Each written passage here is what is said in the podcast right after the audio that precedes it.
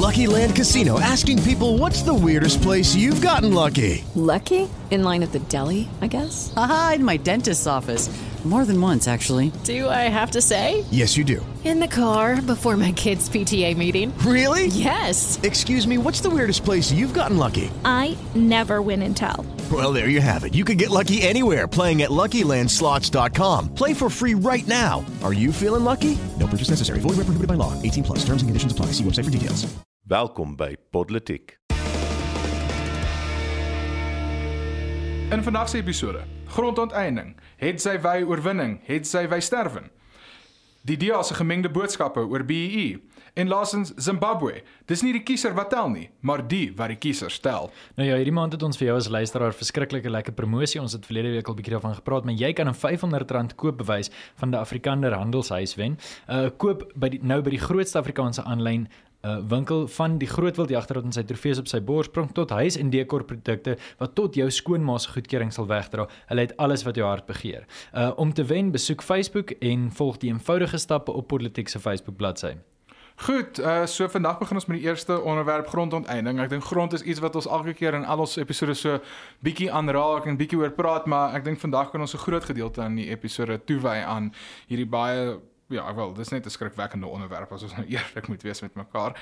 Ehm um, natuurlik was die laaste 2 weke groot uh toe groot 2 weke vir grondonteeneming. Ons het eers gesien dat die, die laaste openbare konsultasies het in die Weskaap plaasgevind. Ten spyte van dat die konsultasieproses nog nie klaar is nie, het Cyril Ramaphosa besluit hy gaan 'n aankondiging maak oor die ANC se posisie oor grond en hulle gaan net grond begin gryp. En toe het ons gesien dat daar ek ek dink is eenvoudig net wat beskryf kan word as diewe begin om grond in Stellenbosch en in die Vrystaat en in die noorde van Pretoria te begin gryp.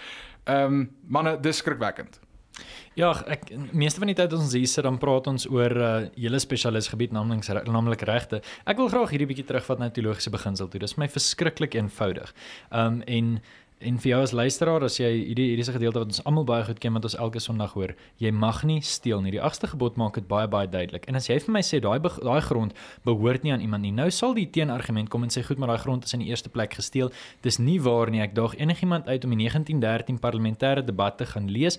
Daar is hoeveel bewyse dat grond regmatig gekoop is en verder as dit. Daar was bitter min mense en bitter min wat aangegaan het in die suide van Afrika in die 17de, 18de en 19de eeue. Nou ek wil dit bitterlik duidelik maak om grond net te vat en daarmee saam die bates op daai grond en die potensiaal wat daardie grond inhou is niks anders as diefstal nie. En as mm. ons bepunt ja. kom wat ons regering nie net diefstal um, goedkeur nie, maar dit aktief mm. pleeg, dan wil ek sê is dinge baie vinnig besig om verder agteruit te gaan as wat ons onsself hmm. ooit kon dink 10 of selfs 5 jaar terug. Wat Paul sien dat ons nou op mekaar se spesialiteitsvelde en gebiede praat. Ehm um, dis nie net die gebooie wat sê ons maniere doen nie, maar Deuteronomium 19 vers 14 wat sê jy mag nie jou buurman se grenslyne verskuif nie. Dit is soos wat jy sê 'n Christelike beginsel. Ons moet regtig hierdie so vinnig as moontlik stop.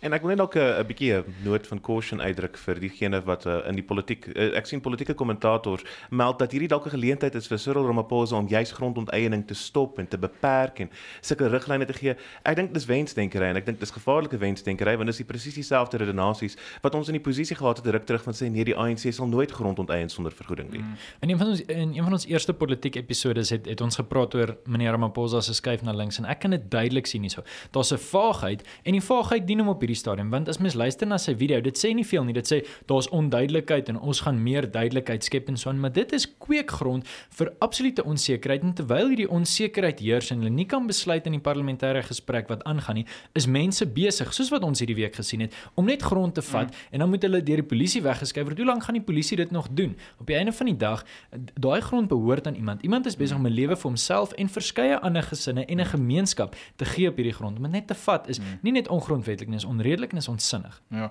Wel Paul, as mens net daaraan dink, hierdie is basies presies wat die apartheid regering gedoen het 60 jaar terug. Hulle het gegaan in die staat, magtige groot staat het net besluit ek kan doen net wat ek wil en ek gaan grond vat en ek gaan vir mense dit gee of by hulle onneem soos wat hulle wil. En dit is my so ironies. Die die hele een van die groot die, die een van die grondslae van apartheid was dat alle mense kon nie grond besit soos wat hulle wil nie. Privaat eiendom was nie absoluut nie. En nou besluit die ANC, weet jy wat, dit klink na 'n fantastiese idee om presies terug te keer na die einste goed en probleme wat uh, apartheid uh, onderlê het. Ja nee Daniel, dis vir my verskriklik. Dis 'n bietjie soos om van kokain te verskuif na ecstasy toe, want dit ja. werk nie meer so lekker vir jou nie. Die probleem is die hele funksie van 'n grondwet is om jou te beskerm teen die regering. Ja. Nou, as die grondwet jou eiendom nie kan beskerm teen die regering nie, as hulle net jou kan skielik afsit van jou grond af, het hulle regtig ooit nog 'n funksie? Maar, maar ek sien dis dis presies die punt Daniel, is ons sien nie die grondwet as 'n meganisme om te beskerm teen die staat nie. Die staat sien die grondwet as 'n meganisme om transformasie of verandering teweegbring. Ek wil 'n vraag vra en en die vraag is gaan so. Goed, ons kom uit 'n baie bepaalde posisie uit. Party van ons oupas of oupa grootjies het grond gehad. Sou enige van julle anders gevoel het oor hierdie as jy in dieselfde huidige posisie min of meer was, maar as jy swart was net agter grond gekom het waar jou oupa 'n plaaswerker was wat sy lewe lank op 'n plaas gewerk het, maar nooit noodwendig soveel van die vrugte gepluk het soos wat hy fisies gepluk het nie. Wel, ek ek kan sê ek was in daai posisie. Ek is in daai posisie. My oupa was 'n bouer gewees oorspronklik. Hy het letterlik geen opvoeding gehad nie. My ouma kon daarom na college toe gaan om 'n verpleegster te word want sy het daai geleentheid gehad. Uiteindelik is die situasie dat ons moet dink aan watse beleide is die beste vir ekonomiese groei ja. behartig wat die ja. almal se bote kan lig as die see opstyg. Ja. En die probleem is ons op hierdie stadium is net besig om onsself van die voete skiet. Ons is besig om ons eie ekonomiese vooruitgang aktief te kelder en dit beteken dat ongelykheid en on, uh, en armoede gaan net erger word. Ja. Dan ek ek moet met jou saamstem. Ehm um, die die twee van die voorbeelde wat mense gereeld gebruik ter ondersteuning van grondonteeneming sonder vergoeding is Mexiko en Brasilië. Nou net kortliks vir jou as luisteraar 'n bietjie statistiek om 'n wapen in jou hand te sit. Mexiko het die 64ste grootste uh, eh, BBP per capita en 40% van die land se bevolking woon in armoede. Dit is 'n voorbeeld van 'n land wat grondonteien het sonder vergoeding. Die ander voorbeeld wat mense gebruik is Brasilië wat die 83ste op die ranglys is van BBP per capita en 20% van die bevolking bly in ekstreme armoede.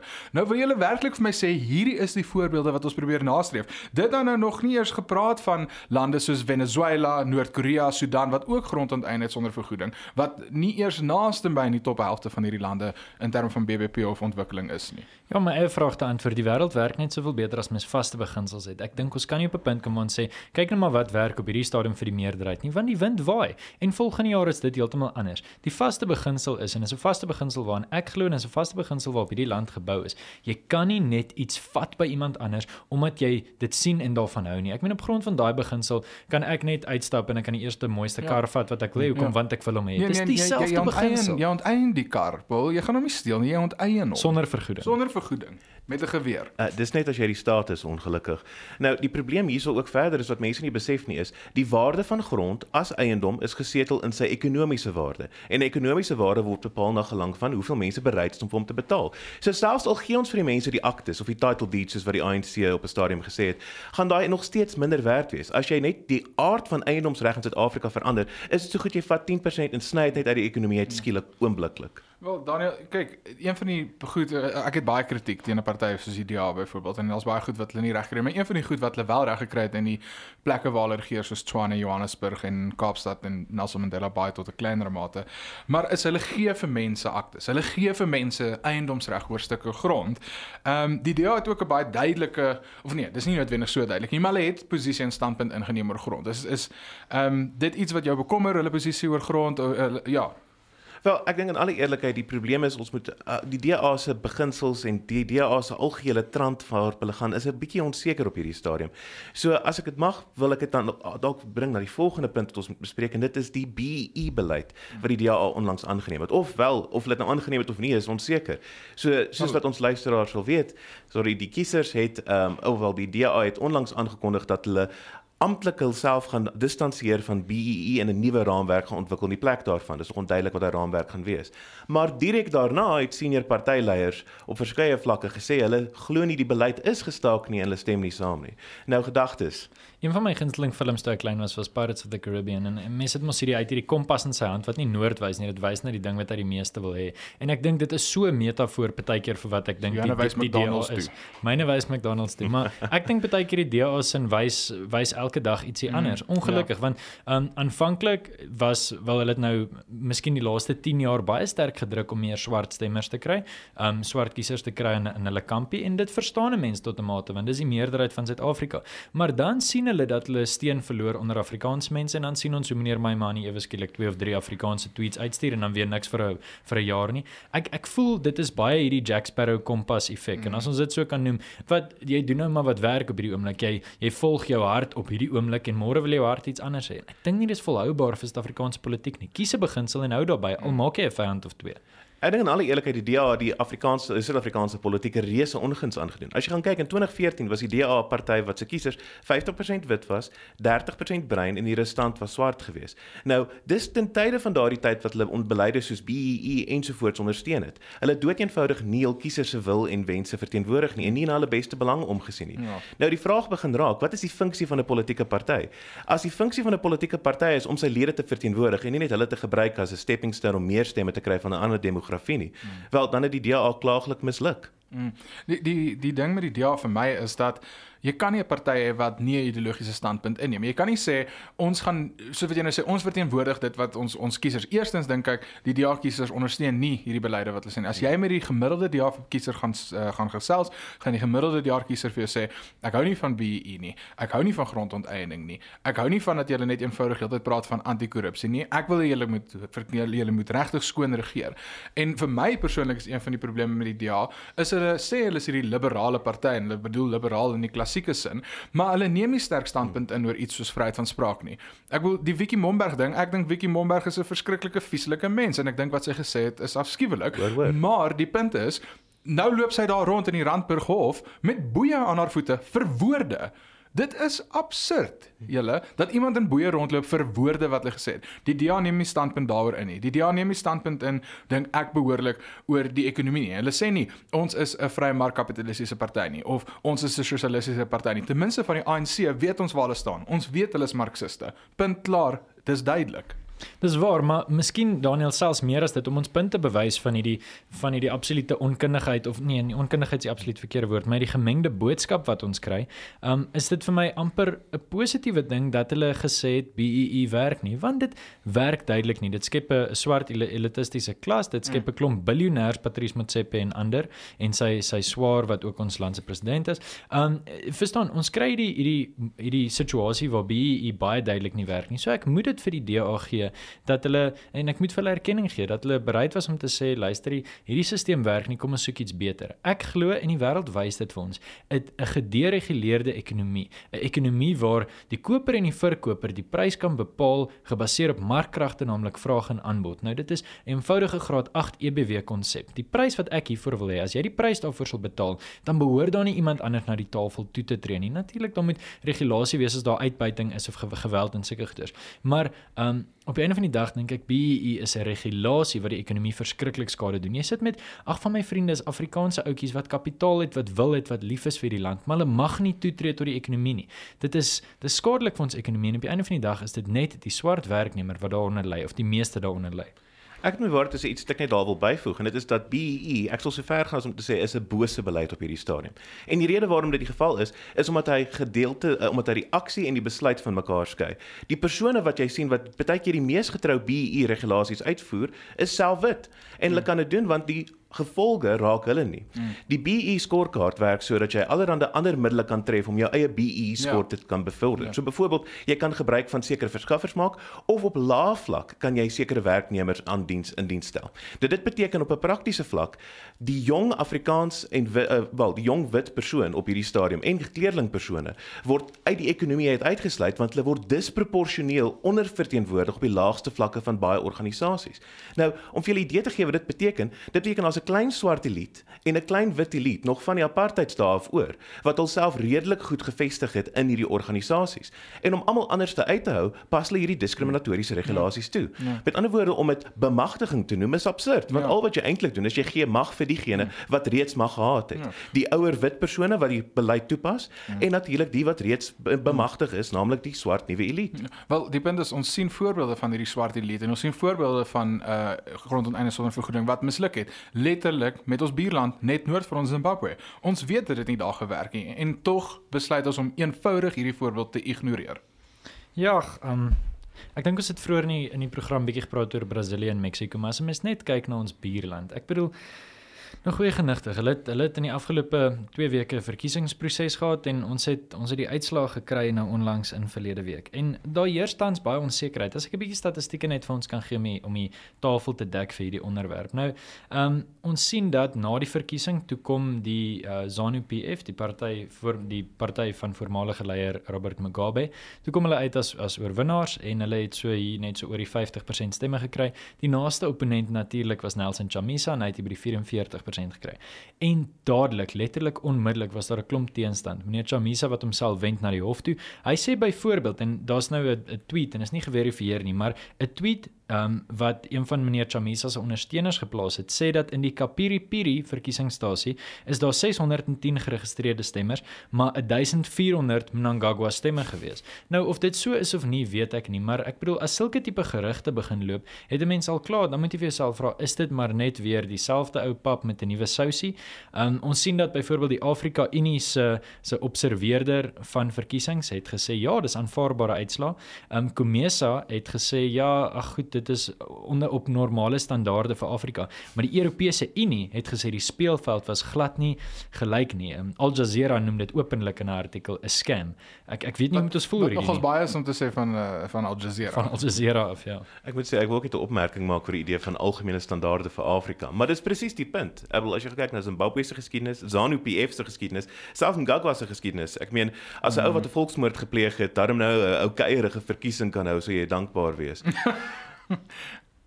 Wel, vir my is dit so ironies. Kyk, daar daar's nie noodwendig statistiek of enige berigte om dit te bevestig nie, maar ek bevraagteken die Zimbabwe se verkiesingsuitslag eenvoudig dat ek het gehoor van gerugte op sosiale media en mense wat ek ken dat daar letterlik meer mense gestem het in sekere wyke as wat daar stemmers is in daardie wijk. Met ander woorde, ergens het daar ewe skielik 200 000 stemmers net bygekom en toevallig gestem vir Mnangagwa se party. Jy stel hoes op 'n uitstekende voter turnout. Ja. Ja, mens kan natuurlik um, oor daai gepraat en ek dink in die volgende paar weke en paar maande gaan ons meer duidelikheid daaroor kry, maar ek wil dit selfs meer eenvoudig as dit maak.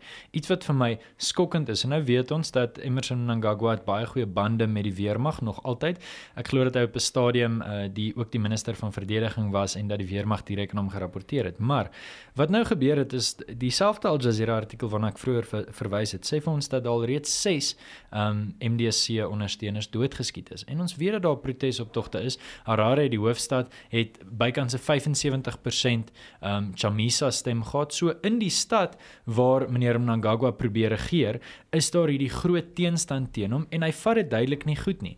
Ek ek dink die die die politieke beginsel dat 'n leier die oppositie met die weermag moet stilhou en nie die weermag in die sin van skokgranate en en traangas nie, maar fisies mense wat doodgeskiet word, sê vir ons dat dinge in Zimbabwe nie so rooskleurig lyk as wat ons hopelik 7 of as wat ons gehoop het 7 maande terug toe meneer Mugabe verwyder is nie. En ek wil net weer eens, ek dink ek het hier in die vorige episode genoem, maar ek wil net regtig weer die skuld vir Zimbabwe aan die voete van Suid-Afrika lê en Suid-Afrika se regering. Ons het regtig 'n wonderlike geleentheid gehad om positiewe verandering aan die Zimbabweërs se lewens te maak en ons het dit net verspeel. Ons Maar het het ons daai verantwoordelikheid, Daniel? Ek dink ons het daai morele verantwoordelikheid minstens as medemense. As 'n land, 'n soewereine staat, behoort ons om te sien na ons omliggende geografiese gebied beslis, want ons kan met hulle handel dryf byvoorbeeld. Selfs net uit ons eie perspektief uit, net vir suiwer eie gewin, 'n stabiele Suider-Afrika is goed vir ons. Wel, ek meen ons is al reeds besig om so baie te doen. Ek weet nie wanneer laas was jy by 'n restaurant vir dit nie 'n Zimbabweër was wat jou bedien het nie. Ons doen baie vir die ekonomie en ek stem saam ons moet omgee, maar vir ons om nou en, en ongelukkig gaan ons nie anders kan as om kant te kies nie. Meneer Ramaphosa het al reeds saggies gesê dat hy die verkiesingsuitslae mee saamstem. Hy het dit nie te hard gesê nie. Ja, mens kan nou na, natuurlik. Maar um, ek ek bedoel die die punt is ons kan betrokke raak, maar in watter in watter hoedanigheid? Is ons nou die ouer boetie van Suider-Afrika? Is ons die een wat moet seker maak alles werk terwyl ons nie eers ons eie skoene kan skoonhou nie? Ek sou versigtig wees daarvoor. Ek dink ons moet daai ja, wel selfs vir Afrika, ons moet ons energie gebruik en dinge wat hier skeefloop regkry. Maar vir Afrika se se part dink ek wil ek regtig graag nie hê Suid-Afrika moet die groot boetie wees vir die land, ag vir die kontinent wat na die kontinent omsien nie. Ek dink nie Suid-Afrika is bevoeg om dit te kan doen nie. Ek dink ons was dalk 'n paar jaar terug, maar op hierdie punt 'n land wat met grondonteeneming voortgaan, 'n land wat letterlik besig is om sy eie ekonomie selfmoord te pleeg, moet nie die waghond van die kontinent wees nie. Maar ek dink die hele juist die punt toe ons Zimbabwe versaak het, was ook die punt waar ons onsself versaak het. Die jare van stille diplomatie om onder 'n bekkie, die algehele jare van net nie omgee nie by Jacob Zuma. Dis daardie punt waar ons regtig behoort in te gegryp het oor see, oor die sand en ook onder in onsself. Goed, so kom ons kyk aan die einde van hierdie episode net na 'n paar goed wat uh, jy as luisteraar in die volgende paar weke of maande kan dophou. Van my kant af het ek uh, onlangs gesien op Facebook, ehm um, die Venezuela se uh, diktator het gesê dat daar was 'n sluipmoordpoging op sy lewe gewees. Die ANC het 'n tweet uitgestuur en gesê, "Oeg, dis verskriklik" en hulle um ironies genoeg sê dat sluipmoorde, politieke sluipmoorde moet glad nie geduld word nie. Ek dink is baie snaaks van 'n party wat in letterlik in KwaZulu-Natal links en regs mense wat nie met hulle saamstem nie, um doodmaak. Meestal nou links ja, toe. meestal links doodmaak. Um, maar ja, ek dink dis iets wat ons kan dophou kyk of daardie sluipmoordgerugte waar word. Ja, nou natuurlik het ons hierdie week in die nuus gesien op die uh, op die voorblad van byvoorbeeld die beeld van Maandag dat daar klagtes is oor voormalige nasionale party hoëgeplaastes onder andere Magnus Malan en dat daar pedofilie klagtes of gerugte is aan aan wel teenoor hulle. Ons sal kyk hoe hierdie situasie homself uitspeel. En dan laastens of Rassie Erasmus, naamlik die Springbok afrigter dames en here, die rassekwota wel sal kan bereik. Die rassiekwota. Die rassiekwota. Ja, maar natuurlik het hulle doelwitte wat hulle in 2019 moet bereik as Springbok span en dis natuurlik die wêreldbeker jaar. Ek weet nie hoe balanseer mens daai twee groot verwagtinge teenoor mekaar nie. Jy misluk. Goed, uh, ons het aan die einde van ons 18 puitjies gekom en te danke aan grondonteiening sonder vergoeding is ons al drie nou stewig op pad na die 19de puitjie toe. Gaan skryf asseblief vir ons 'n kort resensie, hou van ons op Facebook, luister op SoundCloud, teken in op Marula Media se webtuiste en soek vir Politiek op iTunes en onthou asseblief om te gaan inskryf sodat jy 'n kans kan staan om die R500 prys by die by die Afrikaner Handelhuis te kan wen.